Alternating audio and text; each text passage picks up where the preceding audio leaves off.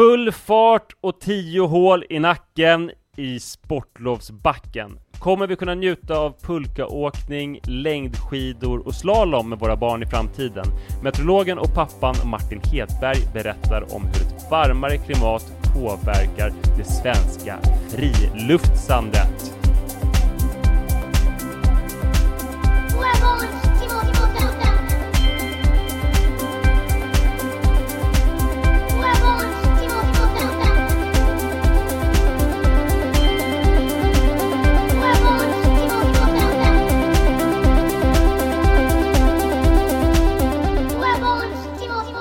Hej och välkomna till en ny säsong av Våra Barns Klimatpodden. Det är säsong två. Vi är alltså en podd som lotsar föräldrar genom den snåriga klimatdjungeln. Jag heter Manne Forsberg och du heter Frida Berg Eklund. Ja, det gör jag. Kul! Säsong två! Ja, det känns jättespännande det här. Så skönt att, um, att komma tillbaka och eh, det känns ju som att det dyker upp saker som man tänker på kring klimatet hela tiden, även jag som är ganska nyvaknad, som man måste prata om. Eh, vad är det mer vi ska prata om idag, Frida? Ja, men jag tänkte vi ska prata om, det är ju snart sportlov, eh, vissa kanske redan har börjat med sportlovet när vi sänder det här. Eh, men jag tänkte att vi skulle prata om snö och vad händer med snön och vad vi kommer kunna göra med våra barn i framtiden på loven, tänker jag. Mm. Och också eh, kommer vi prata lite grann om vad klimatanpassning är. Det har ju kommit en ganska viktig rapport här i dagarna som jag tänkte prata lite om. Superintressant. Alltså jag tänker på snö nästan hela dagarna. Eh, du vet att jag är en eh, man i yngre medelåldern va? Ja, jag vet det. Eh, och du vet väl... Spandexman brukar vi kalla Exakt. de här i Älta, spandexman. Det finns olika, spandexman, lykraman, Eh, och motionsgubbe, i skidkretsar kallas man för motionsgubbe. En ah. motionsgubbe är en som liksom beter sig som att den är någon slags elitåkare och eh, liksom hetsig i spåret. Så att de personer som liksom vill chilla i Ågestaspåret och ha med sig chokladtermos blir liksom jagade av de här herrarna. Aha, det är såhär ur spårmannen. Exakt, ja. men jag, jag eh, då försöker absolut inte vara sån, utan jag är väldigt trevlig mot alla och åker diskret om i skatebädden om det skulle behövas, men i alla Vad fall så du? är jag med... Hur gör du när du ska åka om någon? Eller cykla om någon? Är det så här, ring alltså... ring, hej hej, tut tut? Nej, Nej, jag eh, försöker att inte eh, märkas. Alltså grejen var så här, eller, eh, det, jag vet inte hur relevant det är för podden, men egentligen så är det så att jag håller på med löpning i vanliga fall ganska mycket. Nu håller jag på med klassiken och gör en skidsatsning, mitt livs första. Och det innebär att eh, i början när jag var motionsgubbe på längdskidor den här säsongen, då var jag ju lite för konditionsstark i förhållande till min skidförmåga. Eh, och då kan det bli så att man vill åka om, men är ganska dålig på det. Och det är väl en klassisk motionsgubbe som har liksom mer fart än en förmåga på något vis. Men nu har jag åkt, eh, nu har jag åkt 120 mil den här säsongen, så att nu börjar skidförmågan komma. Så att jag börjar, brukar oavsett, det finns ju olika spårregler var man ska stå sådär. Alltså, eh, en sak som man ska veta nu om vi ändå pratar om snö, ur spår, det finns inte. Alltså det kanske fanns liksom på 70-talet. Man, man behöver aldrig någonsin gå ur spåret om man åker långsamt. Nej du, det är den andra som ska liksom swisha om? Alltid den snabbaste ah. som ska swisha om och som har ansvar för det. Sen är det ju så här att ofta så ska man, om man åker långsammare, hålla höger och vänster ett omkörningsspår, på de flesta spår. Men det är det enda man vill tänka på. Man, och man ska inte liksom stå still i spåret, men man får åka exakt hur långsamt man vill. Eh, och sådana här lykramän ska inte få skrämma upp någon att flytta sig eller sådär, utan alla har rätt att vara där och eh, kanske särskilt de som rör sig lite långsammare. Så det är viktigt. Eh, viktig upplysning för de som ska se ut nu när vi ska prata om snö, så att man, för vi ska ju ändå väcka lite snöpepp. Och då, de här 120 milen snö, de har jag ju åkt eh, trots att klimatet ser ut som det gör. Eh, för jag förlitar mig helt och hållet på konstsnö. Det har inte funnits någon, jag har inte åkt en enda gång den här vintern i Stockholm på natursnö, utan det funkar så, eh, för att jag tror att om man tittar ut nu så tänker man att det känns orimligt att man kan åka skidor överhuvudtaget. Men det var ju en köldknäpp, om du minns, i månadsskiftet november-december, mm. som var, det var säkert, men det var ner mot 10 minus eh, en vecka i sträck. Och det gjorde att man kunde på ett förmodligen, jag vet inte hur klimatvidrigt det är, men på förmodligen ett klimatvidrigt sätt så kunde man då på olika konstanläggningar runt om i Stockholm spruta jättemycket snö. Och konstsnö, den är mer beständig än, eh, en natursnö, eller ekologisk snö som skidåkare skämtsamt kallar vanlig snö. Eh, och, så att den har hållit, man spårar om den och sådär, och den håller mycket, den är mer väderbeständig än natursnö då. Så att, så att fortfarande så finns det då ett tiotal konstnärsspår runt om i Stockholm som är väldigt livaktiga. Så man kan vara, snurra runt i Ågesta, till exempel i Huddinge, där är det 2,4 kilometer och efter en stund så tänker man det är vinter nu och jag är typ i Sälen men sen så tittar man upp och så ser man att det är ju helt bart överallt. Och kanske liksom är regn. Men så det är ju kanske redan en klimatanpassning på avsnittstemat som har gjorts. Att man har lite grann, i alla fall i Stockholm, resignerat inför de här klimatförändringarna, så istället för att liksom längta efter den konstnär som aldrig kommer, så har det dykt upp en massa konstnärsspår som folk snurrar runt på som, som galningar hela tiden. Mm. Eh, så så är snöläget i Stockholm. Så är snöläget. Mm. Men eh, vad, på tal om sportlov då? Vad mm. ska ni göra på sportlovet? Eller ska du bara ut och köra 120 mil till? Nej, nu eh, eh, är min den här satsningen snart slut eh, och då jag ska åka med barnen upp till mina föräldrars landställe i Hudiksvall där eh, det också har blivit mycket senare och sämre, eller framförallt mer osäkra vintrar. Det var helt sjukt där. De har, bor fint vid Hudiksvallsfjärden och där brukar man liksom minnas från år till år när fjärden har frusit. Alltså oftast är ju det före jul. Men för två år sedan, då frös inte Hudiksvallsfjärden en enda gång. Alltså, det kom en liten tunn sån här nattgammal is som sen blåste bort, men isen la sig aldrig på Hudiksvallsfjärden under hela säsongen då, vintern 2020. Och det ingen vet att det, alltså det, det är okänt fenomen att det inte fryser där ordentligt. Mm. Eh, det har liksom aldrig hänt. Han brukar köra omkring med typ bilar på den där isen. Så dit ska vi åka och hoppas att det finns någon snö och då ska vi väl åka lite skidor också. Både längd och så kanske vi åker till Järvsö några dagar där man kan åka utför. Och även då Järvsö såklart, som alla skidanläggningar numera, väldigt beroende av konstsnö. Förlåt för den här långa utläggningen. Vad ska du göra Frida? Ja, men nu, mitt svar är ju superkort, för Tyvärr så måste min man jobba, så att eh, jag ska mm. vara själv med barnen, vi ska vara hemma. Och sen gör jag min vanliga sportlovslyx, att vi ska bara åka bort ett par nätter på hotell med, mm. där också hunden kan vara med. Så med, inte ah, så mycket mysigt. snö, utan mer eh, bada. Ska vi Har göra. ni valt eh, hotell? Ja, vi ska ju åka till ett, eh, ett badhotell på Värmdö. Kokpunkten? Nej, ja, Nej gud, kokpunkten, mm. det har vi varit en gång, det, jag, jag, mm. jag hatade det, usch. Vidrigt. Vad har du för liksom generella tankar kring lovaktiviteter? Är du en vintervurmare? Alltså alla vet att du har ett starkt klimatengagemang, men har du liksom den här personliga sorgen inför eh, borttöande och tynande vintrar? Eller? Ja, men, ja, men så är det ju. Alltså mer snön än friluftslivet. Jag, jag är så här friluftslivs-wannabe. Jag tänker att jag vill vara en sån familj som är jättesportig och åker skidor och håller på.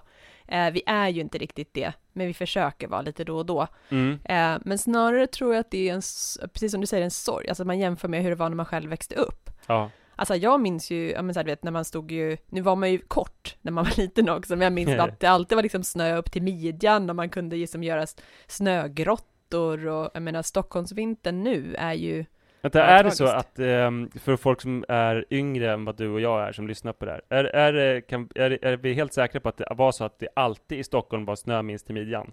Eh, ja, hundra procent. Det är fakta, det är fakta. Jo men det kom ju nyligen en rapport om klimatanpassning. Eh, mm. Eh, jag tyckte den var väldigt intressant och i den också så står det att, att man har gjort liksom en jämförelse där man tittat på liksom två olika eh, perioder. Och den ena perioden liksom den gamla perioden, 1860 till år 1900. Eh, och sen har man jämfört det med perioden som startar 1991 till 2019 och ser då hur har liksom temperaturen och, och Vänta, 1860 till 1900? Ja. Och sen?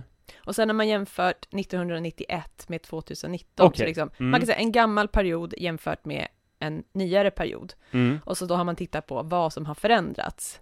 Och då har man ju då sett att vegetationsperioden, alltså växtperioden, den har i genomsnitt ökat med två veckor i södra mm. Sverige och tio dagar i norr. Och snösäsongen i Svealand och Götaland har minskat med en månad. Oj, ja, oj förlåt, jag höll på att svära. Ja. Eh, det var ju jätte, jättemycket. Ja visst, och nederbörden har ökat med cirka 8 procent. Mm. Så att det är ju en, en förändring. Eh, Men kan man se, kan man se om det har hänt någonting mellan, liksom, mellan 1990 och 2019 också? ja, alltså man tittar ju på liksom, när det gäller klimat så är det verkligen att man måste titta på lite längre perioder. Mm. eh, för att kunna se skiftningarna. Eftersom det enskilda år är svåra att kolla på, för det går ju upp och ner. Eh, men generellt sett så kan man ju sä- säga att det blir varmare och blötare i Sverige. Mm. Ehm, så det är ju tydligt. Jag har min eh, farfars min farfars dagbok från när han var en ung man. Han bodde på Götgatan och dagboken är från början, alltså jag tror, den är från 1919. Eh, det är svårt att dra några jätteslutsatser av det. Det var mycket berättelser om att han åkte skidor från Götgatan eh, till Nacka och att han hade snott punch som han hade i sin ryggsäck. Så åkte de skidor till Nacka från söder och så, så drack de punch. Eh, det, det gör ju inte ungdomar nu, varken dricker punch eller åker skidor till Nacka från Götgatan tänker jag. Nej, och plus jobbigt att hålla på med så här motorvägar och Ja, sånt. Nej, kanske inte verkligen. från söder, men Verkligen. Eh, nej men det som är intressant tänker jag också med den här rapporten, den handlar ju om klimatanpassning. Mm. Och nu, nu frågar du mig, vad är det? Vad, ja men det undrar jag verkligen. Eh, vad är klimatanpassning? Ja, vad skönt att du frågar. För att eh, man brukar ju säga att så här, klimatarbetet har liksom två ben som båda är lika viktiga. Mm. Och det ena handlar om att få bort utsläppen och minska och bromsa klimatförändringarna. Mm. Och det andra benet handlar ju om det som redan sker, och det sker redan nu och det kommer ske mer förändringar i framtiden. Det måste vi också ställa om våra samhällen till och anpassa oss till. Öka vår resiliens, vår motståndskraft. ehm, och, och då tittar man på liksom lite olika områden. Alltså att, att man, man jobbar eh, liksom på två fronter, som är, en som är akut och en som är eh, proaktivt för framtiden. Ja, men precis. Man brukar beskriva lite som så här yin och yang av klimatarbete. Man måste göra både två. Man måste båda få bort utsläppen som skadar klimatet och vi måste ju anpassa oss till förändringar som sker. Typ som om det var en människokropp, så om, om det kommer en patient som blöder jättemycket, för att den alltid går på ett jättedumt sätt så den halkar, eh, så måste man ju sätta kanske ett bandage på det här såret, men sen så måste man kanske ta upp så här, men kan du gå på ett lite bättre sätt eller undvika de här väldigt hala Ja, men exakt. Du-? Ja, precis. så? Foträta skor kan vara bra, en bra förändring.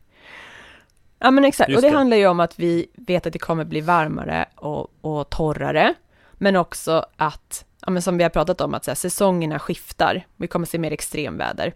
Och till exempel kan det då Mm. handla om att så här, om, vi kommer se högre havsnivåer. Eh, och man, hur man kan anpassa sig till det är ju till exempel att man kan bygga vallar. Det gör man exempelvis i Kristianstad. Där bygger man sådana vallar för att minska effekterna av att havsnivån höjs. Sen handlar det om skyfall också. Eh, och mer skyfall behöver leda bort mer vatten och liksom gröna våra städer. Eh, när det blir varmare så ser vi att det blir granbarksborren, som jag tror många känner till, som skadar eh, våra skogar, att, de, att, att det blir vanligare. Och då behöver vi liksom fundera, hur kan vi hantera skogen och skogsbruket och skogsplantering, allt sånt, för att kunna anpassa oss till det. Och när det gäller att det blir Mm. torrare, eh, att vi ser mer, mer vattenbrist, vad kan man göra där? Så det handlar om olika effekter för att kunna, eller olika åtgärder för att kunna klimatsäkra Sverige i framtiden. Och det, det betyder ju också att vi kommer se förändringar oavsett vad vi gör, men varenda liksom, grad vi kan minska eller bromsa klimatförändringar spelar roll, helt enkelt. Nu har vi med oss meteorologen och Eh, klimatexperten och väderpresentatören Martin Hedberg. Eh, man kan tro att Martin är liksom uråldrig när man ser hur ex extremt långt tillbaka karriären sträcker sig från eh, flygvapnet redan på 80-talet eh, via SVT, klart.se och sen har Martin jobbat som konsult och eh, gjort viktigt klimatarbete för EU-kommissionen bland annat. Välkommen Martin! Tack så mycket. Det är mycket saker som jag tänkte på eh, när jag eh, eh, kollade upp dig. Dels eh, Men jag måste ju rätta, jag måste rätta Ja, dig först. 80-talet, det var då jag började eh, och halkade in på Ja, det här meteorologspåret via, via, via lumpen. Sådär. Alltså- Men jag blev meteorolog först på 90-talet, så jag får lägga på 10 ja, år eh, i pre- alla fall. Precis, alltså jag tänkte, eh, alltså det var bara att det stod där 89 kapten flygvapnet 89 till 2002, då jag var tvungen bara, jag kanske överdrev din längden på din karriär lite, men det som är anmärkningsvärt är ju att du var ju då knappt torr bakom öronen kan du inte ha varit då, för att du är född 67. Så att om man bara mm. läser mm. liksom Wikipedia-artikeln så tror man nog att du är, och, och håller för åldern så tänker man att du är betydligt äldre än vad du är. Så den är imponerande. Två saker tänkte jag på, dels så insåg jag att jag har nog alltid sagt om ditt yrke metrolog. Kan du säga hur det heter egentligen? Meteorolog. Hur många skulle du säga säger, säger, uttalar alla de här eh, vokalerna? Eh, inte så många. Alltså inte ens vi Nej. meteorologer gör det. Nej. Jag ska börja säga det, meteorolog.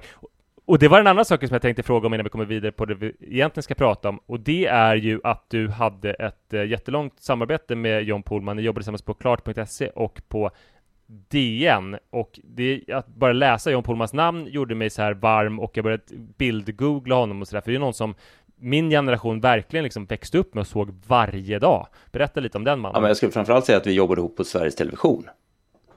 Alltså han... ni jobbade på SVT innan ni gick ja, vidare ja, ja. till Klart Absolut. och DN? Ja, ja, visst. Den stora grejen med John Pohlman, det är ju hans det enorma jobbet han har gjort folkbildningsmässigt och, eh, och liksom bara prata om ja, men väder, göra väderprognoser helt enkelt på SVT. Mm. Och jag hade den stora förmånen eh, att tillsammans med andra jobba tillsammans med John och Stig Ahlgren och några andra sådana här legender som, som har varit otroligt förmånligt. Har du, eh, har du ritat på sådana här gammaldags väderkartor som man liksom bläddrade det var, det var, det var för, för min tid. Det var så här, som typ skjuttavlor va? Skjuttavlor, så sköt man fram en väderbild och sen så var de ri, handritade eller så ritade man till och med på Var det inte så kardborresolar och sånt också? Ja men det har också förekommit, ja precis. nu, hur var det när du var på SVT? Vad var det för, eh, vad körde ni då? Ja men gjorde, vi gjorde grafiken i Photoshop. Okej, okay. ni hade kommit dit vi hade kommit dit i alla fall. Precis. Det var ju viktigt om man var meteorolog innan att man kunde göra snygga solar och lågtryckssymboler och sånt där. Ja, absolut. men även när man alltså när vi analyserar kartorna här, just nu så är det så väldigt mycket som har med meteorologi att göra som är just att man tittar, det finns så mycket visualiseringssystem, digitala visualiseringssystem då. då. Men jag var ändå med på den tiden, eh, på 90-talet alltså när man ritade, gjorde analyser på papperskartor. Så på de här stora papperskartorna som kunde täcka hela Europa, alltså som en karta, så står det, så har man en plotter som skriver ut på varje väderstation vad det är för temperatur, lufttryck, vindhastighet, vindriktning, hur mycket moln, vilka slags moln och så vidare. Det, det finns små symboler och koder som man liksom ritade med en liten svart tuschpenna, antingen för hand eller någon liten printer mm. som printar ut det här. Och sen ska man sitta och tolka dem och så ska man liksom binda ihop orter som har samma lufttryck och rita in var ligger fronterna någonstans och var är det mål och så vidare. Så man får den där analyskartan. Eh, och sen så utifrån den, när man liksom har koll på så här är vädret just nu, eller nyss då för några timmar sedan när de där observationerna gjordes, så eh, använder man sin erfarenhet och så säger man, ja men okej, fronterna rör sig, trycket, lufttrycket faller så här mycket, då rör sig fronten så här mycket, nederbörden kommer in och sen hävs luften över sydsvenska höglandet och då sjunker temperaturen med så här mycket och det betyder att regnet övergår i snö. Och alla de där sakerna, det var liksom old school eh, mm. i att göra väderprognoser var just att titta på så här ser vädret ut just nu och sen så, så här kommer det bli kommande timmar. Då alltså. Vad är skillnaden mellan väder och klimat? Eh, väder är det som du har utanför det och klimat är statistik på väder. Vädret är ju liksom att just nu så är det lätt snöfall här och det är mulet och det är en minusgrad. Medan klimat är medeltemperaturen på en plats under hela året eller under en månad. Eller eh, Eh, det kan vara statistik om när det blåser som kraftigast så kommer vindstyrkan att nå upp till den och den nivån. Eller så här mycket regnar det när det regnar riktigt mycket eller så vidare. Så att klimat är statistik på väder om man ska vara kortfattat. Då. Mm. Mycket bra.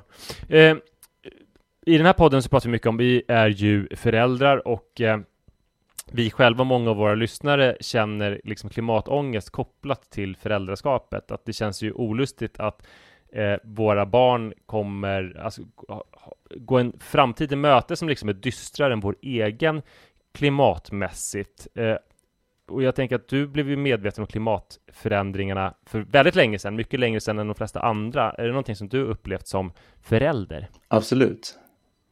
Um, Hur gamla är dina barn? De är 16 och 18. Mm. Och eh, alltså vi har ju ett väldigt stort ansvar. Alltså som förälder har man ett stort ansvar förstås för sina barn och sen så när man ser hur saker och ting förändras och hur vi inte har bäddat särskilt bra när det gäller klimatfrågor. Men jag ska säga att det är, det är många problem som vi ser framför oss. Inte bara klimat utan liksom förlust av biologisk mångfald och, och flöden av fosfor och kväve. Och, jag menar, det, det dräller av stora frågor så det är klart att det är väldigt lätt att känna, eh, få en dystopisk känsla. Men jag tycker också att man Alltså vi, vi måste ju ta individuellt ansvar men man ska ta lagom mycket känna lagom mycket skuld i det här sammanhanget. Det går liksom inte att lägga allt för mycket ansvar på enskilda individer för det är systemet som är fel.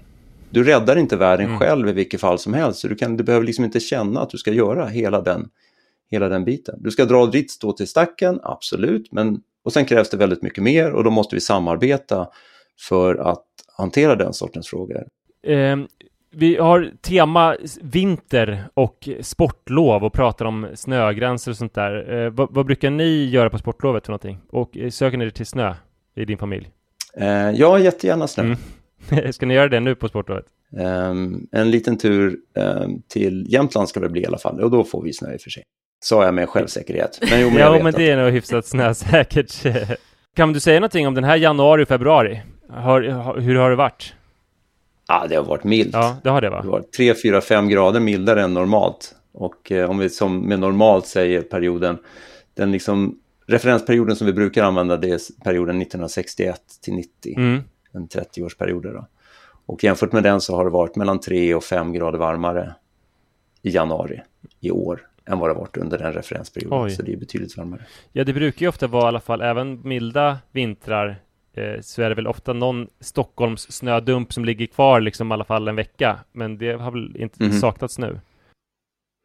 Jag åker jättemycket längdskidor nu och jag lever ju då på den köldknäppen som var i månadsskiftet november-december, för det var ju då all, de kunde spruta så mycket snö då, så att konstnärsspåren är väldigt livaktiga tack vare den, så att jag kan liksom lura mig själv när jag snurrar runt på ett sånt konstnärsspår i tre timmar att det är liksom full vinter mm. och glömma bort för en stund att det inte har kommit i princip någon snö överhuvudtaget. Tänk vad tydligt det är. Alltså det, det, det är i och för sig väldigt tydligt om det är snö eller inte är snö, men det, det har ett väldigt stort symbolvärde just den saken. Eh, att mm. vintrarna blir kortare och så vidare. Men det betyder ju inte att eh, det på något sätt har gått över heller, för det kan vara, alltså klimatförändringarna som, som det handlar om är inte bara att det blir liksom ett par, två, tre, fyra, fem grader mildare i genomsnitt på en speciell månad eller något i den stilen, utan det händer ju så fantastiskt mycket mer i naturen. Eh, och en av de stora sakerna det är ju hur eh, nederbörd förändras, eller det vi kallar det hydrologiska kretsloppet. Alltså när det är varmare då så kan luften innehålla mer vattenånga och då avdunstar det mer. Och sen ska det där ner någon annanstans, så det blir mer snurr i vattnet kan man säga. Va? Det blir torrare, det, det torra blir torrare och det blöta blir blötare. Så det är en sån också sån tydlig grej som vi ser, förutom att medeltemperaturen stiger, att det blir liksom större risk för torka och större risk för kraftig nederbörd. Har det varit mycket nederbörd nu i januari, februari? Uh, inte i januari. Alltså, I Sto Stockholms uh, Har vi ett Stockholmsperspektiv? Jag tänkte säga. jag har ett Stockholmsperspektiv. Om man tar ett lite större Nej, vi kan vidga det perspektivet. Ja, men lite grann då. Men då hade ju nederbörden mm. i, i, uh, i uh, Gävleborg och Dalarna i höstas till exempel. Um, då det kom extremt mycket och skapade, och nu liksom kom det väldigt mycket över just Gävle också vilket skapade väldigt stora problem för många fastighetsägare med översvämmade källare och så vidare. Um, och samma sak som händer nere i Centraleuropa och det har varit enorma skyfall i Kina också där det liksom kommer så mycket vatten. Och samhället är inte byggt efter de premisserna. Och det är inte så att det är ovanligt med att det regnar mycket på en del platser på jorden. Men när det regnar mycket på nya ställen där mm. inte vi är van vid att det regnar, då, då är det klart att, och sen så har vi en massa infrastruktur, alltså hus och vägar och så vidare som, som inte är anpassade efter sån intensiv nederbörd. Då blir det översvämningar. Men blir det mindre snö också? Eller blir det mera regn? Och mer regn norrut också? Eller hur ser det ut med snömängden? Kan... Mm. Jättebra fråga. Det blir, generellt sett så blir det mindre snö. Man kan säga att vintersäsongen blir kortare. Men sen så är det så också att, säg så här, om det är 25-30 grader kallt, vilket inte var ovanligt för bara 10-20 år sedan, ah, inte i Stockholm då, då, men om du tar det i Jämtland så det är inte konstigt att det är 30 grader kallt. Um, och sen så nu stiger temperaturen så att det, det är inte så vanligt att det är 30 grader kallt längre. Ehm, men då är det faktiskt så att när det är 10 grader kallt, då kommer det, och om det snöar och är minus 30 så är det, då är det inte så mycket snö som kommer. Men om det snöar och är minus 10 eller minus 5 eller bara 2 minusgrader, då kan det komma riktigt mycket. Så det kan ju mm. liksom vara en liten paradox det där att, att temperaturen stiger och det kommer mer snö. För ju närmare, liksom ju varmare luften är, desto mer fukt kan den innehålla, desto kraftigare blir nederbörden. Så eh, om det är två minusgrader och, och snöar intensivt så är det snöfallet mycket mer intensivt än om det är minus 22 och snöar. För det finns inte så mycket vatten i luften. Så snö, snögränsen kommer flytta sig uppåt, men där det fortfarande finns snö så kan det bli riktiga snökanoner som man såg mer sällan innan. Precis, så att du kan nästan förvänta Så man kan inte gå omkring då i Jämtland och känna att, men vad fan, det här är ju lugnt, det är ju liksom 120 centimeter, vad, vad snackar de om? Det här kommer finnas kvar. Utan gränsen kommer obenhörligen flyttas uppåt även mot, mot sådana områden. Ja, och, och själva säsongen blir kortare också. Va? Alltså, vintern ankommer senare och våren kommer tidigare. Så att... Eh, prognoser är jättefascinerande. Prognoser det är sånt man håller på med när man gör pratar om vädret då, då, Så att vad som kommer kommande vecka, hur vädret ser ut, då gör vi prognoserna. Men titta på klimatet, då gör man scenarier. Och, och det är också, eh, absolut, och då är det flera stycken då. Och det är så tydligt också att det blir, i medeltal så blir det mildare och eh, också att det här hydrologiska kretsloppet blir intensivare två jättetydliga saker som, som man ser eh, kommer inträffa. Och scenarierna, det är inte bara ett annat liksom fancy ord för eh, prognos, utan det är just att man gör många, man kan säga att man gör många prognoser. Och så tittar man på dem för att det går inte att veta exakt hur klimatet kommer att utveckla sig. Till exempel så vet vi inte hur mycket utsläpp det kommer att bli. Vi vet inte hur naturen reagerar på de här utsläppen. Vi vet inte liksom hur mycket av de naturliga återkopplingarna som blir. För säg så här, när, när det blir varmare, då frigörs det koldioxid och metan från marker och från växter och från, från vatten till exempel, så frigörs det koldioxid. Så det är en sån här, vad vi kallar positiv återkopplingsmekanism i naturen. Eh, så det räcker liksom inte snart med bara våra egna utsläpp av växthusgaser och sånt som påverkar klimatet, utan naturen börjar kicka in också. Och om, om eh, skogsbränder blir vanligare till exempel, då frigörs det också enorma mängder eh, koldioxid. Så alla de här sakerna gör att det är svårt att veta hur hög halt växthusgaser kommer att vara i luften om 10 och om 20 år. Det kommer vara mer än nu, det kan man vara rätt säker på. Men hur mycket varmare eller hur mycket intensivare det blir, det, det, det är lite svårt att säga. Och därför gör man scenarier, som är ju liksom många körningar och så får man en, en spread på vad skulle kunna inträffa. Men sen jag är ju lite fascinerad av att ha tittat lite på det här med olika scenarier och också worst case scenario. Um, mm. Och jag vet att eh, det här har beskrivits också av SMHI bland annat. Att om vi fortsätter på den bana vi är idag och vi inte minskar utsläppen globalt, då kan vi liksom se eh, ungefär tre månader längre växtsäsong i södra Sverige inom våra barns livstid. Alltså ett barn som föds idag kan liksom vid slutet av sitt liv få uppleva tre månader längre växtsäsong. Och det där var så väldigt tydligt för mig, så här, tre månader längre växtsäsong i södra Sverige. Det är ett helt mm. annat ett helt, alltså det måste ju påverka allting eh, kring oss. Så djurlivet, vilka djur som finns kvar i ett sådant område, vilka liksom, infektionssjukdomar som kommer in, eh, huruvida vi kan bada i sjöar, havsnivåhöjningar, allt sånt. Mm. Visst är det knepigt? Jätteknepigt. Ja, men kan man exemplifiera då i det scenariot? Eh, eh, du säger, du, det är mest frågetecken Frida, eh, men finns det några så här, ja, de här sakerna, de här djuren, de här växterna, de här infektionssjukdomarna? Alltså vad kommer hända? Vad som framförallt kommer hända, förutom att liksom vädret blir mer intensivt, det är att vi förlorar Eh, vi förlorar resiliens, vad vi säger, vi förlorar växt och djurarter. För naturen, inklusive oss själva då, givetvis, vi måste ju anpassa oss till de här nya förutsättningarna. Och förändringarna går så snabbt, så naturen kommer inte hinna med att anpassa sig. Så klimatförändringar i sig, det är inget konstigt på den här planeten. Det händer ju hela tiden. Men vi har istider som kommer och går. Tänk en istid, då ligger det 2000 meter fruset vatten över hela norra Europa. Och sen så när det är en, en värmeperiod då, alltså mellan istiderna, då har allt där, all den där isen smält och havsnivån har stigit med typ 100 meter. Eh, som vi har nu då, innan vi själva har mm. pressat det här ännu längre. Så under en istid, om, om man också tar det här måttet, om vi tar globala medeltemperaturen, under en istid så är det 3 eller 4 grader kallare, jordens medeltemperatur, 3 till 4 grader kallare.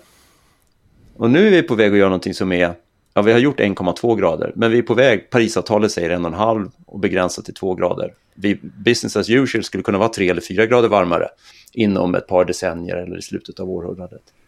Så det är ju liksom som en halv istid eller mer inom 100 år. Det är enormt stora grejer. Och, men att liksom klimatet förändras, det är inte jättekonstigt. Um, och den här storleksordningen också på, på istider som kommer och går, det är inte heller någonting som är jättekonstigt. Eller som man i sig måste vara jätteorolig för, om det tillåts ta lång tid. Men det går ju så fruktansvärt snabbt.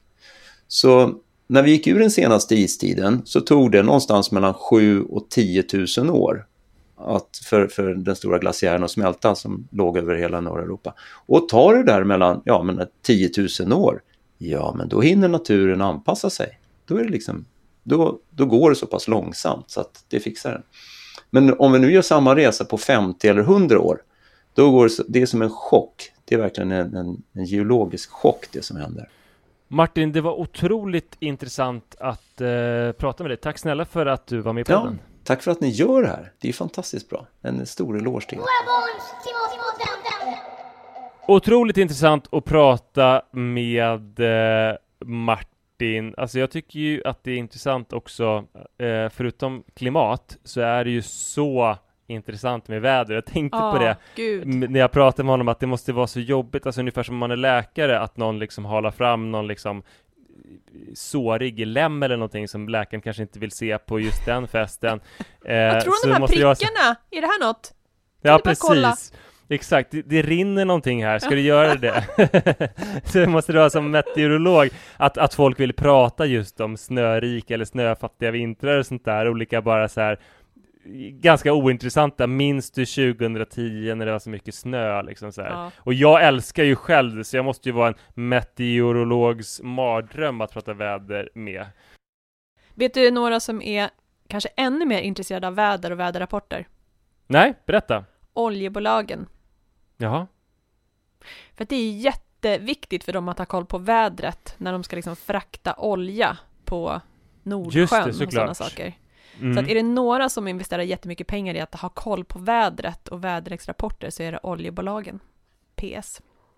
Det kan jag tänka mig. En annan fun fact om typ eh, transporter till havs som jag hörde, det är att eh, havstulpaner eh, som sitter på skrovet på alla stora fartyg, att de försämrar bränsleekonomin något helt vansinnigt.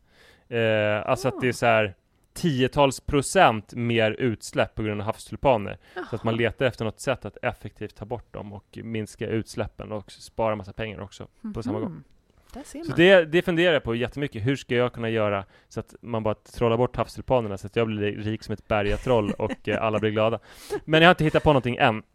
Men däremot har du hittat på en sjukt bra eh, lovlista. Sjukt bra, sjukt bra, men som vanligt har jag ju ställt frågan till våra engagerade föräldrar i våra barns klimat och eh, fått lite tips på hur man kan tänka kring planering av loven framöver i en klimatförändrad värld. Eh, här kommer tips ett, och det är förstås mitt favorittips, som älskar att vara hemma. Hemmalovet. Mm. Mm, passa på att vara turist på din egen ort. Besök en gård, testa en ny sport eller fika på något mysigt café där man inte har varit. Hemmalovet och också ekonomiskt. Säg en också. sport som du skulle kunna tänka dig att testa hemma som du inte har gjort förut. Curling. Ja. Jag har alltid fascinerad av curling. Det, det, det är något så härligt med den sporten. Mm. Är inte det? Att man ska bara glida fram Jo men det är någonting, eh, alltså som mina barn skulle säga, satisfying med att se att de kan, att de gnuggar och glida, alltså det, glida på is, gnugga på is Ja Visst, det är mycket sten, i det där. Alltså, bara, sten som glider, ja. gl hala material mot varandra, ja verkligen, jag håller med. Curling, verkligen. Eh, Tips nummer två. Och det är ju det här jag var inne på det här med alltså, flyga till Sälen och allt det här. Eh, det är ju inte bra. Låt oss bara enas om det. Mm. Många åker förstås bil, för man måste ha med sig så mycket skidor och sånt. Men går det, ta tåget. Du vet, du vurmar ju för nattåget, jag gillar nattåget. Verkligen. Jättemycket. Eh, om det går att faktiskt eh, ta tåget. Och här kommer andra tipset då, att faktiskt om man ska göra det så kanske det är bra att man inte har egna skidgrejer. Och det kan man ju faktiskt Mm. hyra. Också för att så här, barnen växer ju ur sånt här hela tiden.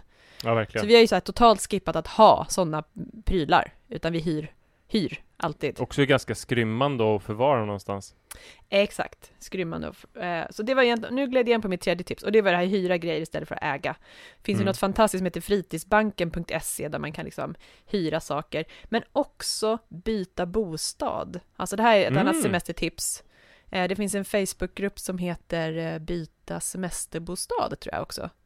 Eh, också så här superekonomiskt, att då kan man ju faktiskt, även om man inte har så mycket pengar, så kan man uppleva andra mysiga ställen i Sverige. Så Mm. man byter bostad helt enkelt. Jag bor på Öland, jag skulle vilja semestra på Gotland och sen så hittar man någon barnfamilj som vill göra samma sak. Så smart ju. Briljant! Jag, jag antecknar direkt det och går in direkt efter sändningen på det och försöker eh, hitta en semesterbostad. Superbra! Eh, och eh, Sportlovstipsen finns på Våra Barns Klimats Instagram. Eh, och det är Frida och jag som gör det här, men det är exakt lika mycket Sofia Ersson som är vår eh, producent. Eh, Tack snälla för den här veckan. Vi hörs igen. Jag ska säga det också att om ni har några frågor eller vill tipsa om saker som vi ska ta upp så kan man eh, mejla till podd at varabarnsklimat.se www.sportlovsbacken.se. Tack! Nu ger vi oss ut i sportlovsbacken då. Nu curlar vi! Ja! Hej då! Hej då!